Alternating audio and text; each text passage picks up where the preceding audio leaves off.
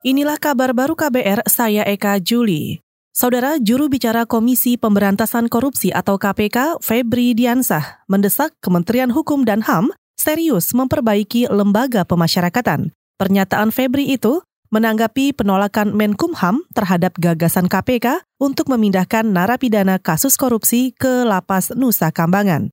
Febri mengingatkan di Nusa Kambangan tidak semua sel berkategori pengamanan super maksimum tapi ada juga yang pengamanannya minimum, medium, hingga maksimum. Jadi perlu uh, kami ingatkan juga poin-poin atau usulan rencana aksi pemindahan napi kasus korupsi ke Nusa Kambangan itu sebenarnya adalah bagian dari draft rencana aksi yang disampaikan oleh Kementerian Hukum dan HAM sendiri. Oleh karena itu kami mengharapkan ada keseriusan dari pihak Kementerian Hukum dan HAM untuk melakukan perbaikan dan berbenah dalam pengelolaan lapas ini. Juru bicara KPK Febri Diansah menambahkan, dari kajian yang pernah dilakukan bersama Ditjen Pemasyarakatan dan Kemenkumham, para narapidana kasus korupsi bisa ditempatkan di lembaga pemasyarakatan yang pengamanannya maksimum hingga super maksimum. Pertimbangannya demi menghindari resiko, mereka akan mengulangi perbuatan jahat atau korupsi lagi.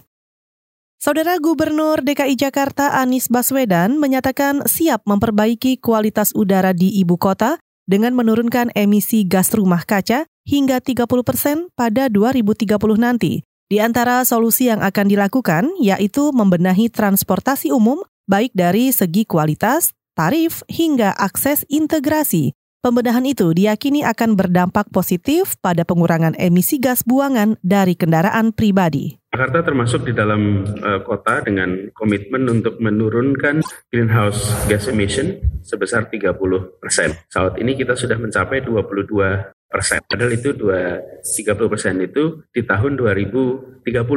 Sekarang masih 2019, jadi kita masih ada 11 tahun, tapi kita sudah mencapai 22 persen. Artinya kita melakukan dengan baik. Bukan hanya kualitas udara ibu kota yang akan diperbaiki Anies Baswedan, tapi juga sejumlah masalah lingkungan hidup seperti kualitas air, penurunan permukaan tanah, hingga sampah rumah tangga. Sebelumnya, saudara, gerakan inisiatif Bersihkan Udara Koalisi Semesta atau Ibu Kota menyiapkan gugatan warga negara ke Pengadilan Tata Usaha Negara terkait kualitas udara yang semakin memburuk di Jakarta. Sistem zonasi dalam penerimaan peserta didik baru atau PPDB membuat orang tua harus berjuang keras mendaftarkan putra-putrinya ke sekolah tujuan. Widya salah satunya. Kemarin ia sengaja berangkat ke sekolah jam setengah enam pagi. Widya berharap bisa mendapat nomor antrian lebih dulu.